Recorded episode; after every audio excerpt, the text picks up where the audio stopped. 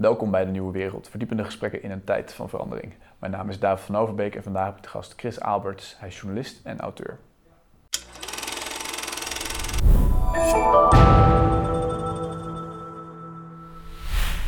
Dag Chris, goedemorgen. Goedemorgen. Uh, ik zie jou een beetje als een soort vlieg aan de wand bij allerlei politieke partijen bezig. Uh, een tijdje geleden hield je je bezig bij Forum voor Democratie. Heb je ook een boek over uitgebracht uiteindelijk. Je bent naar al die zaaltjes toegegaan. En nu heb je weer een nieuw, een nieuw idee. Je gaat je richten op Volt. Je gaat je pijlen richten op Volt. Wat uh, ga je daar precies doen? En waarom überhaupt Volt van alle waarom nieuwe partijen? überhaupt Volt? Um, nou ja, ik ga eigenlijk hetzelfde doen. Ik heb eigenlijk heel weinig... Um, ik heb eigenlijk maar één methodiek. Namelijk er naartoe gaan. Ja. En dan de, er naartoe, een beetje onduidelijk wat dat dan is. Um, is in COVID-tijd ook een beetje anders dan, dan normaal. Ja. Um, en meestal betekent dat in een zaaltje zitten, je jas ophangen, twitteren wat gezegd wordt. En dan kijken ja, wat, daar, wat zich daar afspeelt. Ja. en ja, waarom Volt? nou ja, we, hebben, we leven in tijden van politieke versnippering. En dit is natuurlijk wel een interessant. Het is natuurlijk een interessant fenomeen hoe het kan dat een partij die, ja, ik zou zeggen, niet erg uitgesproken is en zich bezighoudt met thema's waarvan een hele hoop mensen heel hard moeten gapen. Ja, um, ja want dat is wat het is. Um, waarom die drie zetels kunnen halen. Oké, okay, nou, misschien over die thema's zometeen nog even wat meer. Um, mm -hmm. Maar in eerste plaats, wat je, wat je gaat doen bij Volt. Hè? Je hebt eerst bij Forum voor Democratie, heb je daar bij al die partijen, bijeenkomsten ben je langs geweest. Uh, hoe, hoe gaat het in zijn werk als je daar terechtkomt? Ga meld je je gewoon aan. Ja, dat is een beetje, want jij zei, jij, jij, het heel flauw om te zeggen van jij introduceert mij als journalist. Ik dacht van ja, ben ik dan een journalist? Dat weet ik Hoe zou je het zelf omschrijven? Ja, dat is ik was een tijdje geleden met een collega aan het praten en die zei je bent eigenlijk een etnograaf. Dat is eigenlijk... Ja, dat klinkt wel uh, een stuk pretentieus. Ja, dat klinkt veel pretentieus. Daar hou ik ook niet zo van. Ik vind journalistiek vind ik ook pretentieus klinken. Um, ik denk dat ik aan participerende observatie doe. Ik denk dat dat is wat ik doe. Ja, dus je kijkt wat er gebeurt. Uh, nou, ik ben een participant, dus ik ben, ik ben aanwezig en ik doe mee. Hm. Um, en dan gebeurt er iets en daar schrijf ik over. Ja. En bij participerende observatie is altijd de vraag: wat is de rol die je speelt? Wat levert dat op? Wat heeft dat opgeleverd bij Forum toen bijvoorbeeld, toen je bij al die partijbijeenkomsten nou? Het, kijk, wat, wat, wat het oplevert is um, dat je, als je vaker ergens bent, levert dat herhaling op. Dus je hoort vaker hetzelfde. En dat is waar een hele hoop mensen daar het geduld niet voor hebben. Um, en ik heb daar wel het geduld voor. Um, je moet meerdere keren hetzelfde horen om te denken: oh, dit is, dus, dit is dus kennelijk belangrijk. En het levert dus ook niet zozeer een snel oordeel op, het levert een langzaam oordeel op. En een langzaam oordeel is een beter oordeel dan een slecht oordeel, dan een snel oordeel. Het geeft dat je een beter idee van wat er in zo'n partij leeft dan ja. de andere zaken waarmee ze naar buiten komen? Ja, ik denk dat het, een, dat het meta-observaties oplevert. En die meta-observaties... Kijk, er zijn natuurlijk altijd mensen die dan zeggen... Dat wisten we eigenlijk ook. Dat wisten we eigenlijk zonder de werk van jou ook al. Hm. Um, sterker nog, dat is bij Forum ook heel erg, dat is bij Forum ook heel erg het geval. Hm. Um, maar ik denk dat, het, dat dat tegelijkertijd ook observaties zijn die niet makkelijk uh, om te duwen zijn. Ik denk dat dat. En daarom is het ook en daarom is het vervelend en schadelijk. Zeker in het geval van Forum. Wat bedoel je, vervelend en schadelijk? Um, voor Forum voor nou, Democratie, dat jij daar zit. Forum heeft, Forum heeft nou, ik zou bijna zeggen, ja, ze zeggen wel eens dat ik een obsessie heb met hen, maar volgens mij hebben zij eerder een obsessie met mij. Tenminste, een oud-collega van mij um, meldde mij een tijdje geleden dat Paul Cliteur hem ooit opbelde om te vragen of ik niet, met het stoppen, of ik niet kon stoppen met het schrijven van stukjes. Dat nou, ik weet niet hoor, ja, het wordt niet op primetime uitgezonden, dus of, of ik nou zo belangrijk ben, vraag me toch af. Maar zij vonden het heel erg, zij hebben het wel als buitengewoon vervelend uh, ervaren dat ik daar was. Uit, zeker achteraf. Hmm. Misschien, kijk, aan het begin vinden mensen het leuk, hè? Dus ik bedoel, in het begin is het een nieuwe partij. En dan zit je daar en dan denken ze, nou ja, weet je, ik bedoel, ja, we vinden het wel een klootzak. Want ik denk dat ze, me dan, dat ze dat toen ook al vonden. Maar we hebben toch bekendheid nodig. En we kunnen, dus dat is toch fijn als er stukjes zijn. En als die, de toon van die stukjes ons dan verder niet bevalt, dat maakt dan niet zo verschrikkelijk veel uit. Um, maar naarmate er meer mensen uh, achterkomen dat ik dat doe, dan wordt het wel vervelend, denk Hmm. ik. Op den duur is het, is, is het leuke er wel van af. Kan je eens iets noemen wat, wat, wat zij niet bevallen is toen de tijd wat jij geobserveerd hebt? Nou ja, ik vind eigenlijk dat er maar één ding is wat me echt is op, wat, wat er echt. Ik vind dat er maar één observatie uitkomt. En dat is, dat is het grappige is dat ik dat eigenlijk pas bedacht had nadat het boek er al was. Ehm, namelijk, de vraag is, is die partij extremistisch? En ehm, een hele hoop mensen die niet op Forum stemmen, zeggen dan dat het een open deur is en dat het antwoord ja is. dus dan kunnen we allerlei eh, homofoob en um, nou ja, sommigen zeggen narcistisch en antisemitisch en racistisch en al die, al die labels, die worden allemaal aangeplakt. Voor sommige mensen is dat gewoon een soort vaststaande waarheid. En zo is Forum niet begonnen. Forum begon als wij zijn een pragmatische partij en wij gaan de problemen die in Nederland al heel lang spelen, die gaan wij nou eindelijk eens een keer aanpakken.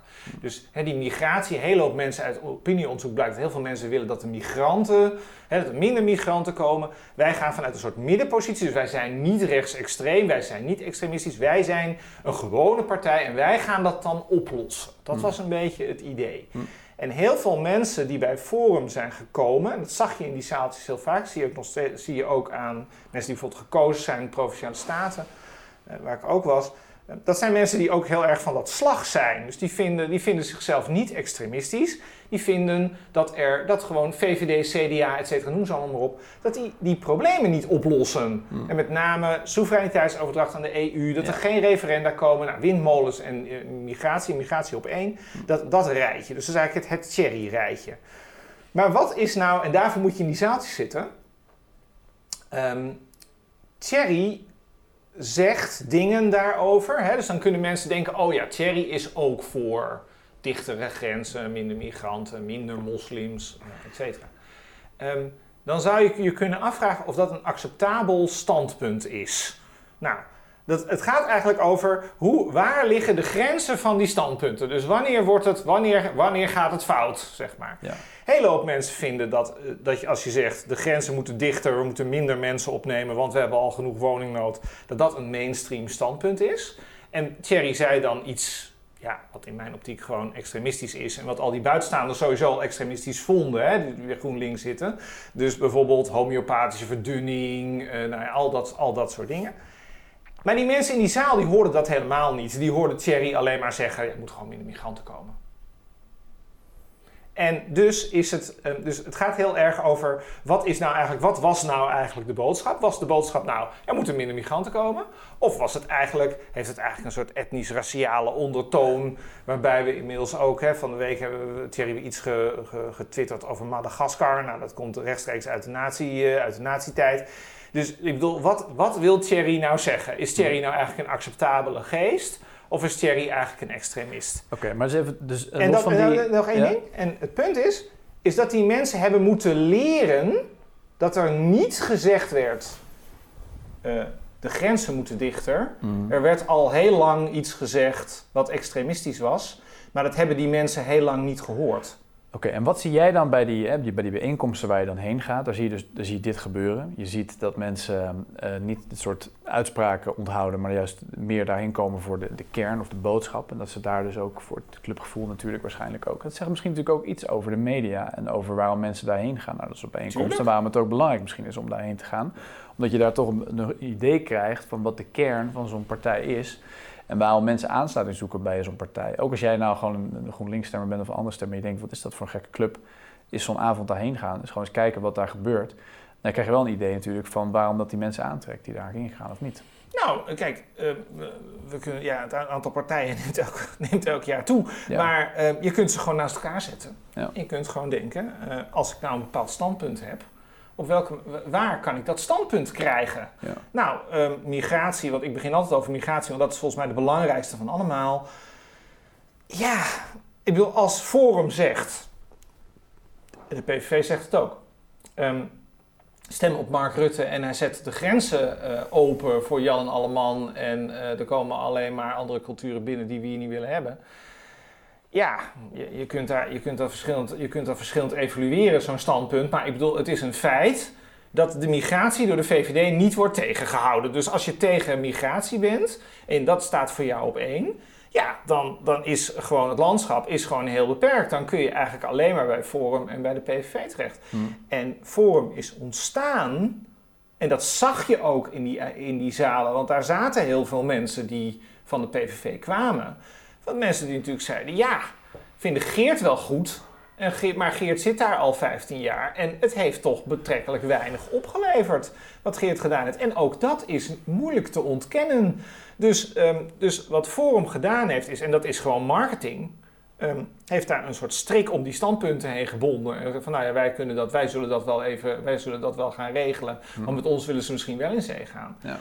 Ehm, dat vond ook een hele grote onderstroom daar. Alleen ja, er stonden wel eh, mensen aan, la, eh, nou ja, Thierry en zijn natuurlijk wel meer, ehm, die een, toch een veel extremistischer eh, wereldbeeld hebben, gewoon zonder meer extremistisch wil noemen. En ehm, die mensen dachten altijd toch zoiets van, ja, we hebben niet zoveel keus. Hè? Dat is eigenlijk, dat, daar komt het toch eigenlijk op neer. We kunnen weer naar de VVD toe, maar we weten dat VVD houdt de migranten niet tegen.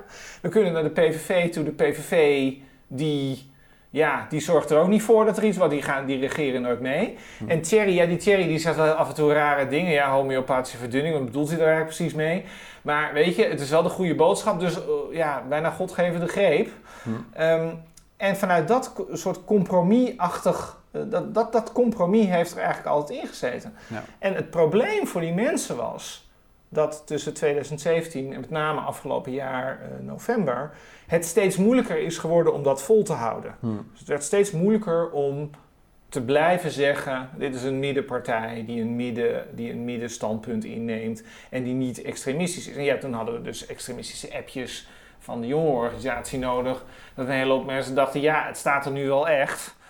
Wordt nu toch een beetje moeilijk om te blijven, om te blijven zeggen: dit gaat, alleen maar, dit gaat alleen maar over de woningnood en over uh, de, de radicale islam. Want het gaat over veel meer. Ja, dus dat is één vraag die je daarin Mhm. kan beantwoorden voor jezelf. Um, je zei net, ik heb een beetje moeite misschien met dat label journalist, voor ik je aankondigde. Um, maar toch, nog even de vraag misschien, denk je dat in zijn algemeenheid journalisten te weinig interesse tonen op dit moment voor dit soort bijeenkomsten?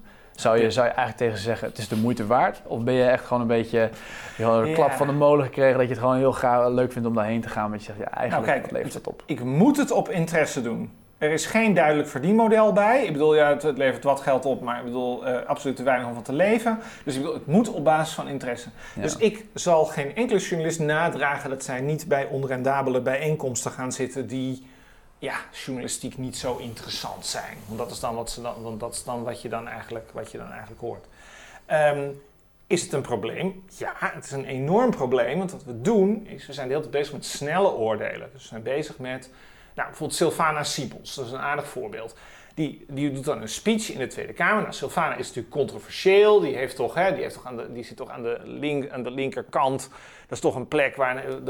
die is zo links dat voor een hoop mensen is dat toch te links. En die blijkt dan opeens iets heel goeds, heel goede vragen te kunnen stellen aan Rutte. Een hele hoop tweets over. Sylvana stelt heel goede vragen. Maar dat is niet zo interessant. Want die vragen, die zijn, ja, die zijn vandaag allemaal uitgezonden. En over een week dan is er weer een ander thema. De grote vraag is, waar staat bijeen voor? Nou, een vraag waar ik geen antwoord op heb. Maar ik bedoel, waar staan zij voor? En wat zijn de, wat zijn de reële mogelijkheden die zo'n partij heeft om echt verandering te brengen? En om dat te weten, of om daar een antwoord op te krijgen, moet je iets anders doen dan kijken naar wat Sylvana in de plenaire zaal van de Tweede Kamer uh, uh, zegt. En dat geldt voor al die, en dat geldt voor al die partijen. Dus ik verwijt het mensen niet dat ze dat niet doen, maar ik denk dat ze dat eigenlijk wel zouden moeten doen. En mijn voorkeur, in die zin, uh, is dus op zich wel mooi. Want mijn voorkeur is eigenlijk om bij bijeenkomsten te zijn waar geen enkele andere journalist is. Um, want dan schrijf je iets wat ook nog niet bekend was. Hm. Zeg maar. En dat is natuurlijk een beetje wat, in, wat je in Den Haag, of een beetje, wat je heel erg in Den Haag ziet. In Den Haag zitten toch een hele hoop mensen. Ja, nou ja dan komt er bij Vragenuurtje op dinsdag. Ja, dat, dat een hele hoop mensen kennen dat natuurlijk niet. Maar dan heb je die eerste etage waar die, waar die roltrap is. En dan heb je dan zo'n balie. En dan komen al die journalisten samen. Ja. Nou ja, dat zijn er dan... Nou ja, ja, ik ben er wel eens geweest, maar dat is jaren geleden. Toen kende ik ze ook allemaal niet zo van gezicht. Tegenwoordig kom ik wat verder. Ik ken de helft nog steeds niet. Hm. Dat, ja, die staan daar dan. Ja, en dan komt, nou ja, dan hebben we toeslagenaffaire. En dan komt Omzicht kwam dan uh, om zich te laten beëdigen. Ja, en dan springt iedereen bovenop Omzicht. En dan mag Omzicht 10 minuten iets zeggen. En dan houdt iedereen die microfoon erbij. En dan op een gegeven moment zegt Omzicht vindt het wel weer mooi geweest. En dan loopt hij weg. En is, heeft iedereen zijn filmpje geschoten. Maar je kunt je natuurlijk afvragen. Um, ja, of het erg veel uitmaakt of AD ertussen staat of niet. zeg maar. Nou ja, dus... Begrijp je? Dus Ik het, zijn ja, ja. allemaal, het zijn allemaal identieke filmpjes, het zijn allemaal identieke quotes. Nou ja, en ik denk ook dat, eh, wat je beschrijft, die, goed beschrijft van de Haagse kaasstolp. Aan de ene kant de politici die inderdaad de interruptiemicrofoon en de filmpjes daar gemaakt worden door de, door de technische dienst van de Tweede Kamer. Die wordt, dat wordt eh, gretig aangegrepen om ook zelf natuurlijk te scoren op social media. Dat is zeker een, eh, een heel belangrijk onderdeel. En, en zit daar nou echt inderdaad hetgeen in waar, waaraan je kan meten of een politieke partij toekomst heeft, ja of nee? Ja, en of het zin heeft. En of het zin heeft. En zou je dan daarvoor toch zeggen dat in die bijeenkomst, dat je daar echt een beter... Ik bedoel, je beschreef net even hè, die, die, die verschuiving bij Forum voor Democratie. In het begin was het echt een andere aard dan hoe het zich uiteindelijk ontwikkeld heeft, dan met name de laatste paar jaren. Ja. Heb je dat ook echt teruggezien in die bijeenkomsten waar je bent geweest? Aan, aan, aan, de mensen die erop afkwamen, aan de, de dynamiek die er zit? Of vind je dat... Kijk, het is lastig. Kijk, daarom vinden mensen mij vaak subjectief. Want je moet, je moet luisteren naar mensen en je moet proberen te begrijpen wat zij bedoelen.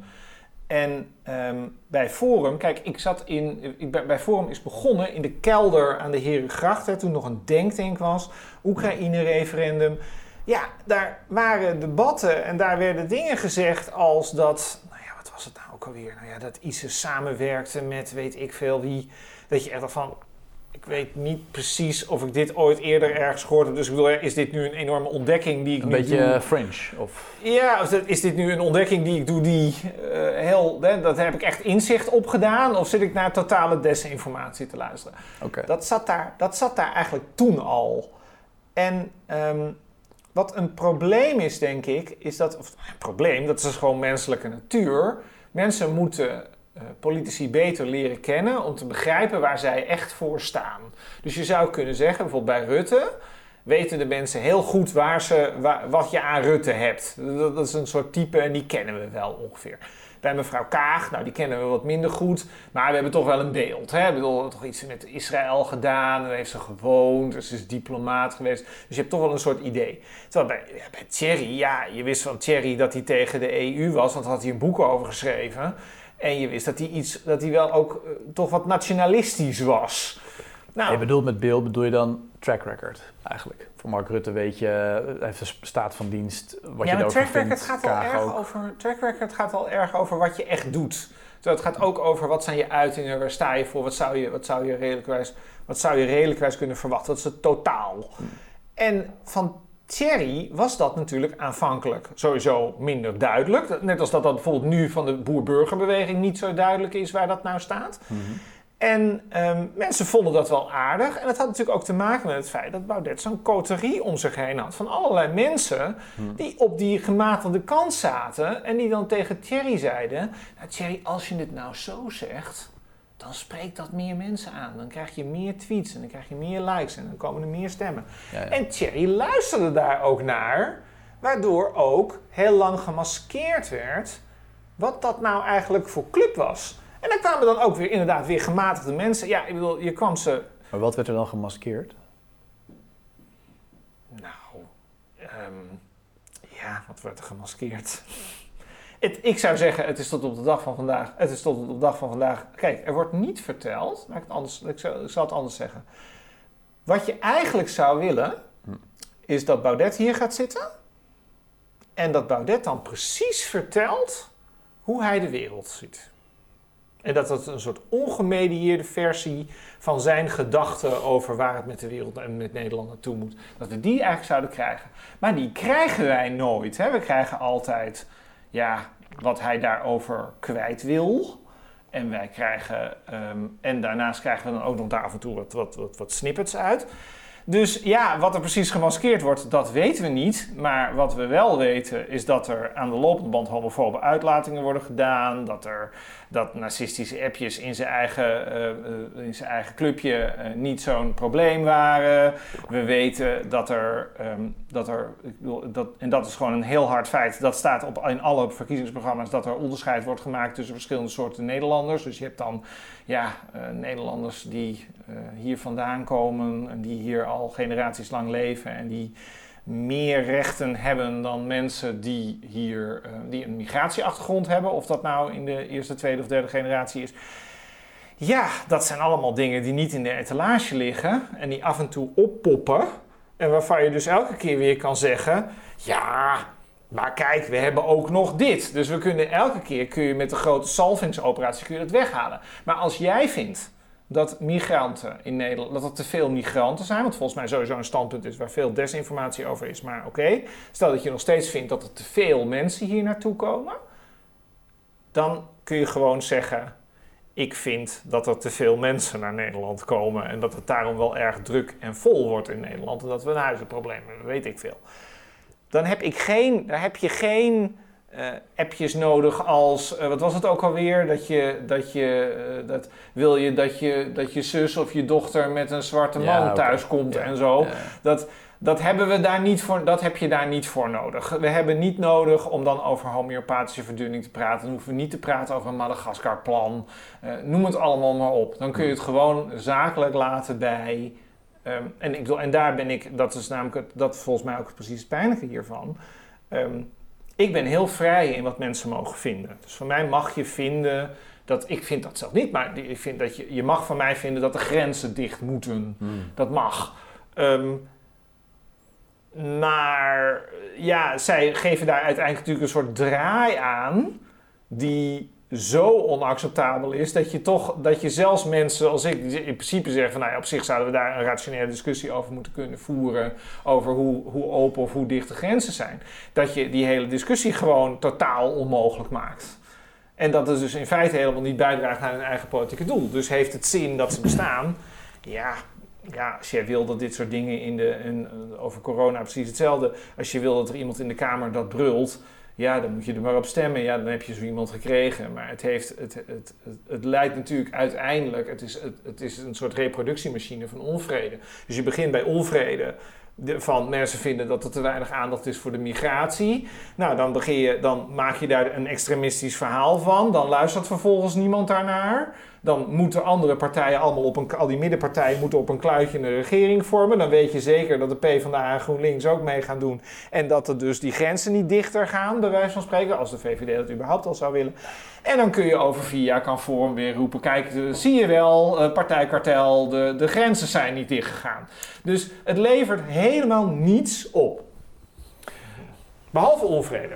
Nou ja, oké. Okay. Um, maar dat jij dit nu uh, hoe je dit vertelt zo en hoe je dat ziet, mm -hmm. dat is natuurlijk niet alleen maar inderdaad wat je vertelt. En niet alleen maar op basis van, die, van de dingen die op die formele momenten naar buiten komen. Nou, appjes zijn of social media of wat dan ook. Of via die momenten ze aan de interruptie telefoon, microfoon staan. Yeah. Maar het heeft ook iets te maken met um, de mensen die bij, de, bij die partij komen. En die, uh, die sowieso bij partijen komen, bij die bijeenkomsten. En wat voor dynamiek daar speelt. Yeah. En wat er, wat er gaande is. Misschien om nou eens eventjes vanuit Forum uh, mm-hmm. door te stoten naar je nieuwe project waar jij je uh, ook mm-hmm. bezig mee gaat houden. Ja. Heel anders, Volt natuurlijk. Hele hè? andere mensen. Hele andere mensen. Ja. Um, ben je al bij een partijbijeenkomst geweest? Nou, ik was bij. Kijk, uh, Volt bestaat eigenlijk al vrij lang. Ja. Dat hebben mensen niet. Of nou ja, vrij lang. Het is natuurlijk geen, het is geen CDA. Maar ik bedoel, het bestaat toch al sinds. Het is vier, vijf jaar of zo. Hmm. Um, en ik, dat, wat wel leuk is aan Volt, is dat ik er al heel vroeg was. In de zomer van 2018 deden ze een soort tour door Nederland. Heel diffuus, hè? dus dan weet je ook niet precies wat het nou is en wie daar dan iets zijn. En toen waren zij in een park in Utrecht, hadden ze een soort meet-up, wat die kringen altijd zo genoemd wordt. En wie waren daar? Nou, daar waren een man of 15, denk ik, op het hoogtepunt. En wat voor mensen kwamen daarop af? Naar jouw idee? Ik heb daar toen een stukje over geschreven. Dat was, um, wordt heel slecht gelezen hè, op zo'n moment. Want ik bedoel, niemand... Kijk, het was interessant geweest als je in 2018 had kunnen zeggen... in 2021 is dit in de Kamer gekozen met drie zetels. Maar dat wisten we natuurlijk toen niet. Hmm. Ja, wie zaten daar? Nou ja, ik kwam daar één jongen tegen die ik van D66 kende.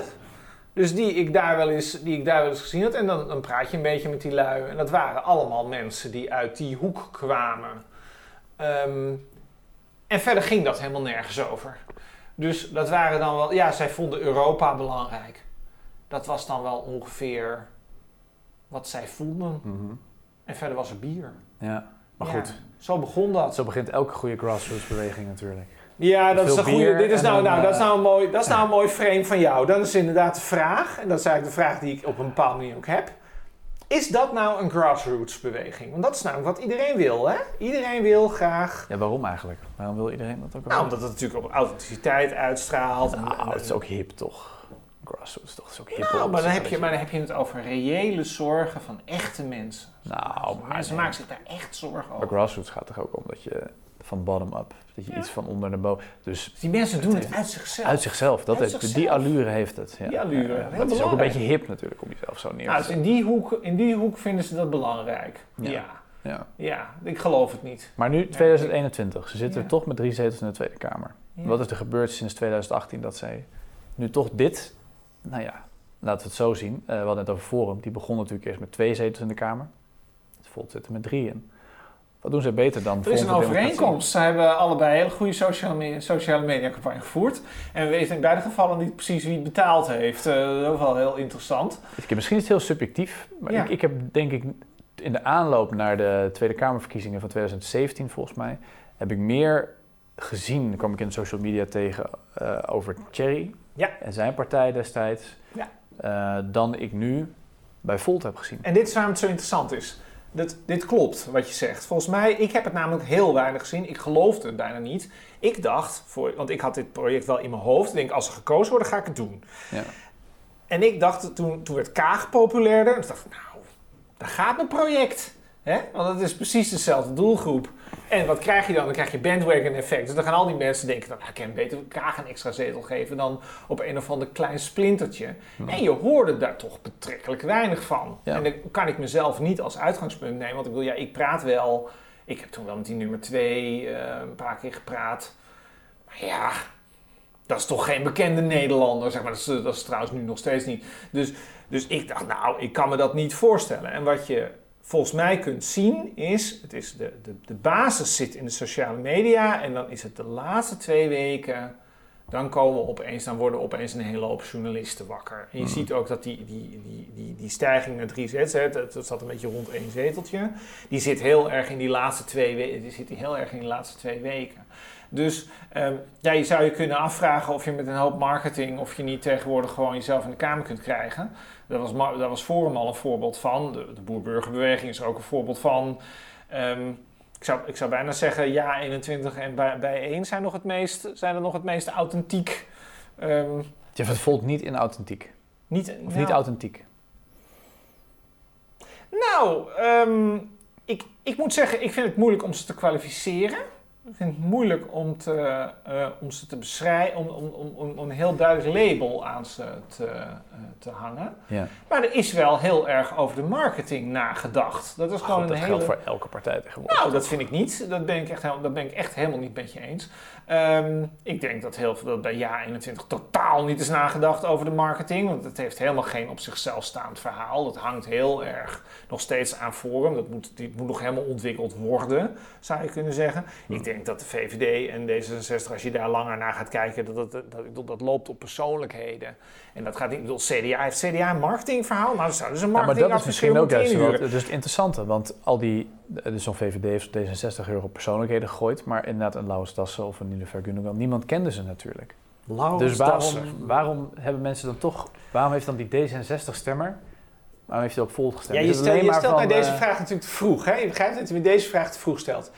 Ik denk eh, dat, er behoefte, dat er uiteindelijk behoefte is aan authentiekere geluiden. En dat, kun je, ehm, en dat kun je zien aan al die nieuwkomers. Want die vier nieuwkomers die hebben dat allemaal. Ehm, Volt is een puurdere versie van GroenLinks slash D66. Misschien P van de A er ook nog een beetje bij. Ja, als je die te compromisvol vindt of te slap, dan kun je bij Volt een echt authentiek, Europees, sociaal, duurzaam geluid krijgen. Maar misschien zo. hier, Chris, is dat wat jij dan net radicaal of extremistisch noemde bij Forum voor Democratie bijvoorbeeld. Kan je dat ook zien als een vorm van puurheid, wat je, het woord wat je nu hier beschrijft. Het echte verhaal, wil je echt iets tegen migratie doen, dan ga je, dan weet ik, dan ga je daarheen. Wil je echt een Europees verhaal, dan kies je voor Volt. Dus je ziet al die partijen, die nieuwe partijen opkomen, zijn weliswaar niet groot. Het zijn allemaal natuurlijk één pitters of twee, drie zetels of wat dan ook. Maar die, komen, die spelen allemaal op dat verhaal in dat ze een puurdere versie zijn van een partij die er al zit bij één. Dus Ja, maar er is ook een onderstroom. Kijk, het zijn natuurlijk twee kanten. Hè? We hebben het nu heel erg over de marketing. Dit is de marketingkant. Maar je hebt natuurlijk ook gewoon mensen die gewoon Nou, om zich heen kijken en denken: worden mijn belangen nou eigenlijk vertegenwoordigd in Den Haag? Nou, daar vind ik, daar vind ik de boer-burgerbewegingen bij één vind ik daar hele goede voorbeelden van. Bij de boer-burgerbeweging, dat gaat gewoon over thema's waar iedereen in de grote stad zijn neus voor ophaalt. Namelijk, uh, nou, de bibliotheek. Nou ja, Welke boter zit er in de Tweede Kamer? Nou, dat, ja, er zijn, veel, er zijn veel dingen die niet kloppen. Dus ik wil, ik wil dat absoluut niet, ik wil zeker niet zeggen dat alles daar goed aan is. Maar ik vind daar één voorbeeld. Ik sprak met de nummer drie van de boer-burgerbeweging, die natuurlijk heel ruim niet gekozen is. Maar die zei, kijk, je moet je dit eigenlijk als volgt voorstellen. Dan komen de cultuursubsidies uit, hè, de nieuwe cultuursubsidies. Nou, dan wordt er een Amsterdams toneelgezelschap, waar helemaal niemand ooit van gehoord heeft, die voor halve zalen speelt, die blijkt dan niet gesubsidieerd te worden. Hm. Heel Nederland in rep en roer. Maar alle journalisten voor de deur, wat, eh, dan, dan is het is lijden een last in Nederland. Dat een of ander totaal onbelangrijk toneel van. En dan zijn er twintig wel gesubsidieerd, hè, want dat is dan de situatie in de, in de provincie. Nou, dan gaat in het dorp gaat gewoon de bibliotheek dicht. Dat is de enige culturele voorziening. Voor, het gaat over een veel kleiner budget dan het toneelgezelschap. Mm. En iedereen zegt, zeik niet zo. Sterker nog, ze weten niet eens dat het gebeurt. Hmm. Daar gaat dat over. Dat gaat over mensen die in. Ik bedoel, mijn eigen familie komt uit de achterhoek. Dat is, ik bedoel, daar ken ik dat verhaal wel van. Dat verhaal is 20 jaar oud. Ik bedoel, dan ben je opgegroeid in zo'n dorp. Nou, dat is een dorp waar geen supermarkt, waar alleen nog een kroeg is. Hè, zoals de kerk is dicht en de supermarkt is dicht. Er is helemaal niks. Die mensen willen in hun eigen dorp, waar ze opgegroeid zijn, blijven wonen. Nou, een hele logische, simpele, simpele wens. Hmm. En dat kan dan niet. Um, dan de, de, de, het, het, het, weggaan van die voorzieningen. Maar wat, en wat krijg je er dan voor terug? Dan krijg je ervoor terug dat er heel veel windmolens en zonneparken bij je om de hoek worden neergezet. Want die willen ze nou bij GroenLinks in Amsterdam niet voor hun eigen deur hebben. Dat, je kunt natuurlijk niet, en dan gaan we even naar politiek. Die mensen die zien dan het CDA. Vroeger stemden die mensen anders CDA. Je hoort ze er niet over. Maar dit zijn dan, denk ik, dit klinkt als de, uh, dit klinkt als de onderstroom. Caroline van der Plas maakt zich er kwaad over. Ja, Caroline maakt zich er klaar kwaad over. die zegt en terecht. en die trekt zich die onderstroom aan. Maar bij, bij Volt heb je dan een heel ander idee. Of bij Bijeen bijvoorbeeld. Ik heb minder het gevoel dat die mensen het idee hebben dat ze in een onderstroom zitten. En meer, nou ja, misschien bij Bijeen ook wel. Er zijn meerdere onderstromen. Maar bij Volt is het denk ik, het heeft ook een heel hip karakter, toch? Er zijn, ook, er, zijn ook nou, er zijn ook mensen die vinden dat wij... Uh, ik zou bijna zeggen, kijk, ik woon in een juppenwijk in Amsterdam. Ja. Twintig jaar geleden had ik krakers om de hoek. Die lieten dan een pand affikken. Nou, dat laat toch wel iets zien over het niveau van wat de buurt toen was. Ja. Nou, als ik nu mijn deur uitga, dan kom ik op een soort speelpleintje en daar is de voertaal feitelijk Engels. Compleet gegentrificeerd. Dus uh, en dat, dat, dat huis van mij, dat had ik ooit kunnen kopen. Dat is nu, dat is nu ongeveer twee, drie keer zoveel waard als het destijds uh, voor werd aangeprezen. Het, de, er, is een, er is in Nederland natuurlijk ook een soort hoogopgeleide, internationalistische groep mensen. Mhm. Die altijd worden, die vooral worden bediend door D66 GroenLinks. Ik denk dat daar een beetje PvdA. Ja. Um, en die mensen vinden natuurlijk die vinden ook dingen in de onderstroom. Hè? Dat is wel een hele andere onderstroom. En die horen dat, die horen kennelijk hun eigen verhaal ook niet zo. Maar onder, onderstroom studenten die nee, Erasmusbeursjes. Onderstroom is wel iets anders dan dat je je eigen verhaal niet terug hoort, toch? De onderstroom gaat ook over dat jij ziet dat jij dat je vanuit een underdog positie, dat je het gevoel hebt dat je in een underdog positie zit.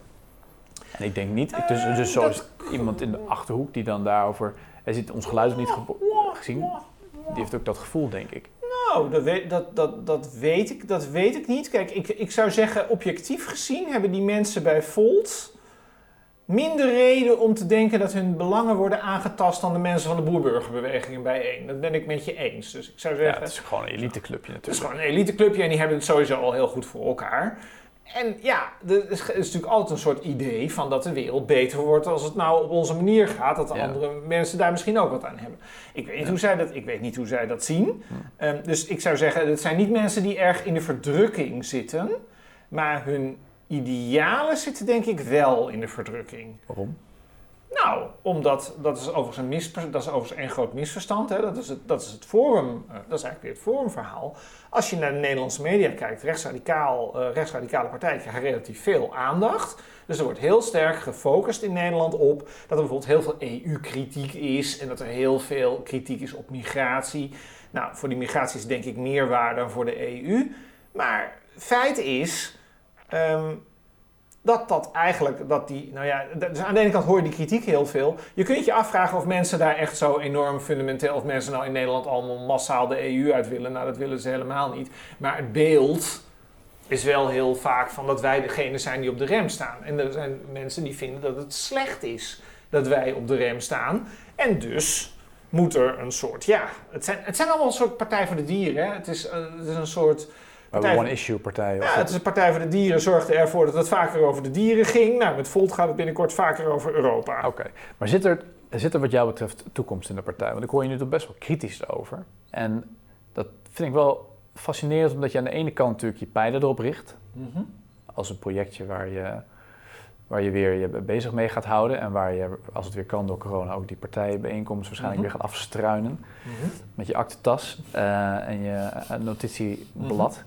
En als een etnograaf, uh, zoals je je graag laat aanhangen, uh, daar te werk gaat. Maar zie je nou, zie je nou dat die, heeft die partij ook toekomst, denk jij? Dat hangt er vanaf wat je toekomst vindt. Kijk, um, uh, zij, zijn, zij hebben zichzelf in de markt gezet als een Europese partij. Hm.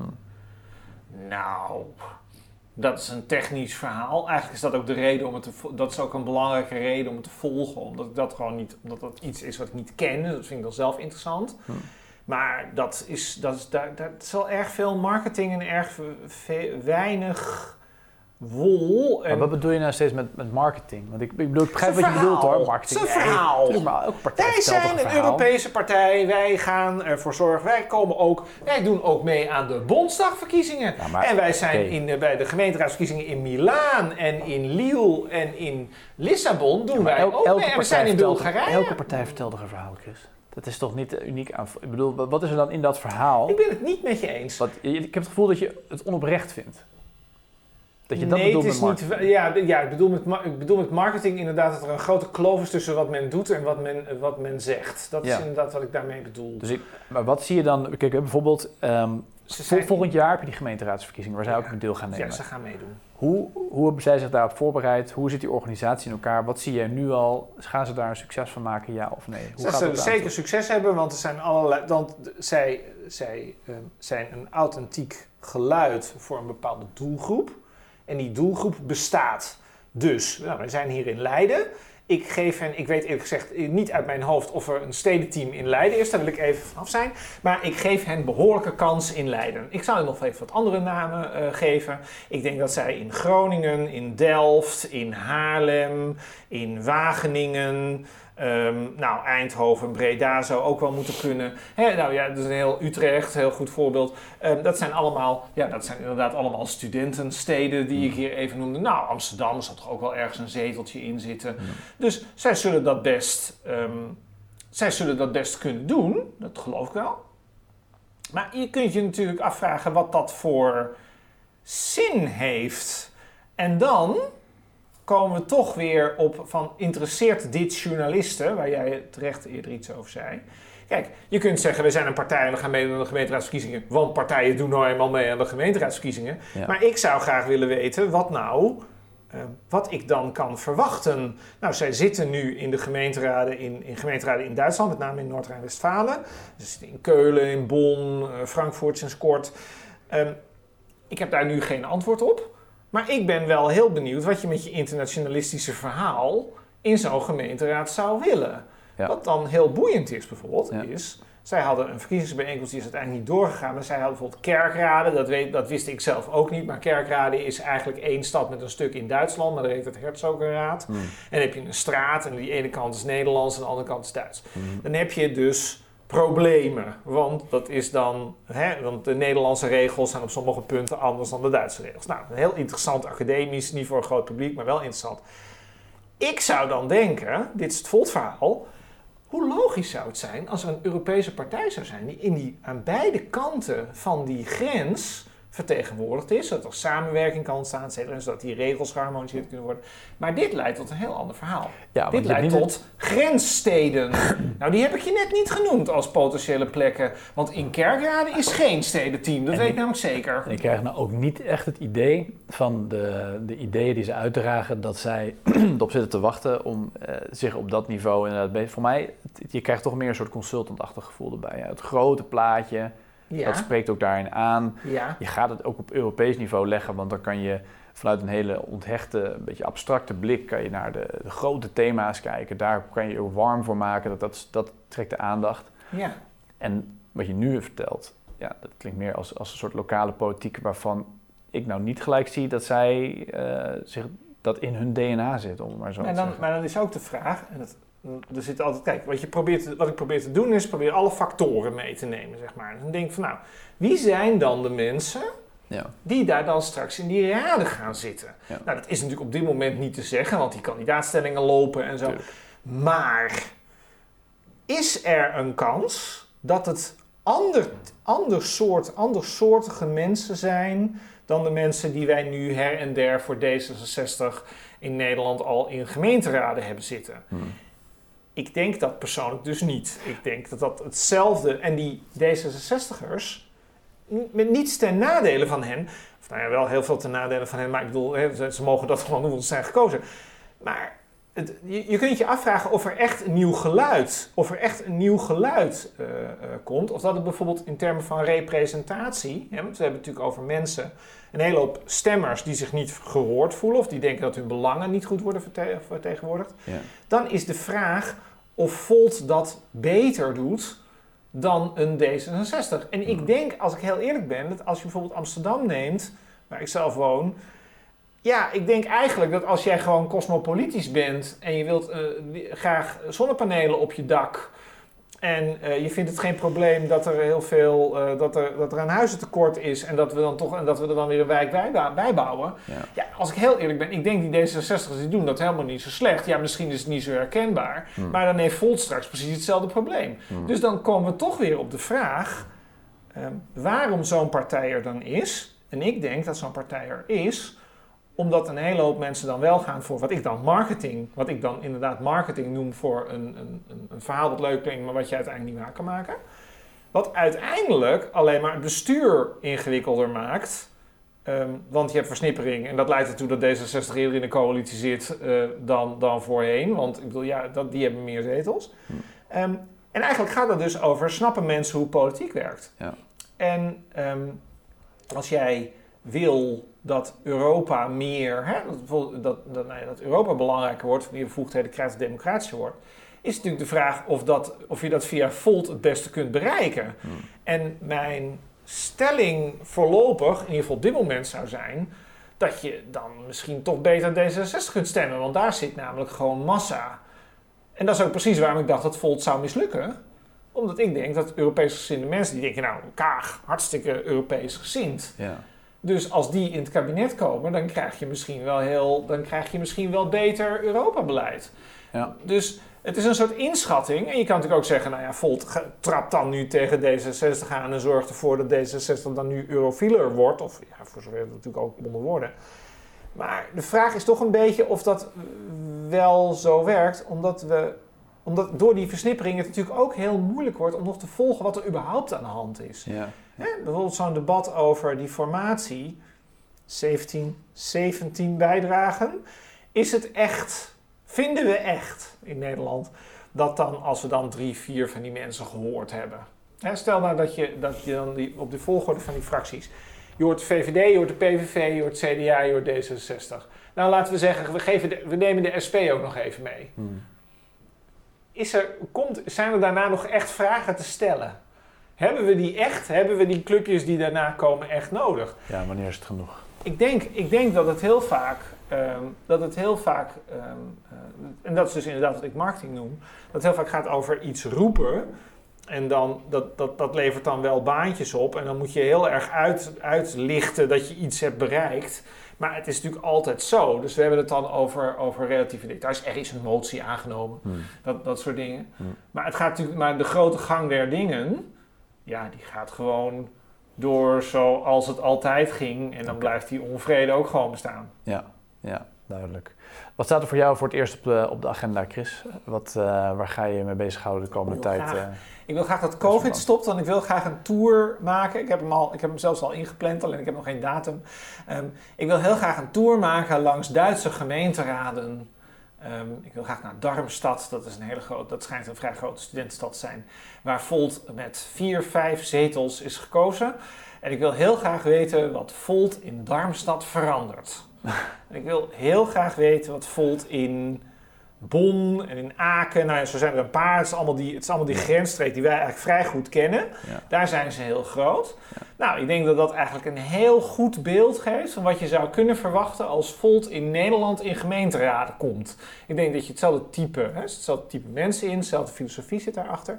Dus ik ben heel benieuwd wat, dat, um, wat, wat zij daar doen. Ja. En, um, dat, maar ja, dat kan pas als we allemaal een vaccinatiepaspoort hebben. Dat is Dus zo. dat wordt ergens in het najaar, denk ik. Ja, goed. Ja. Chris, de- bedankt voor dit gesprek. We gaan het in de gaten houden. En eh, ik eh, kijk uit naar je rapportages vanuit eh, Darmstad en eh, andere grensgebieden. Bedankt voor het gesprek. Graag gedaan.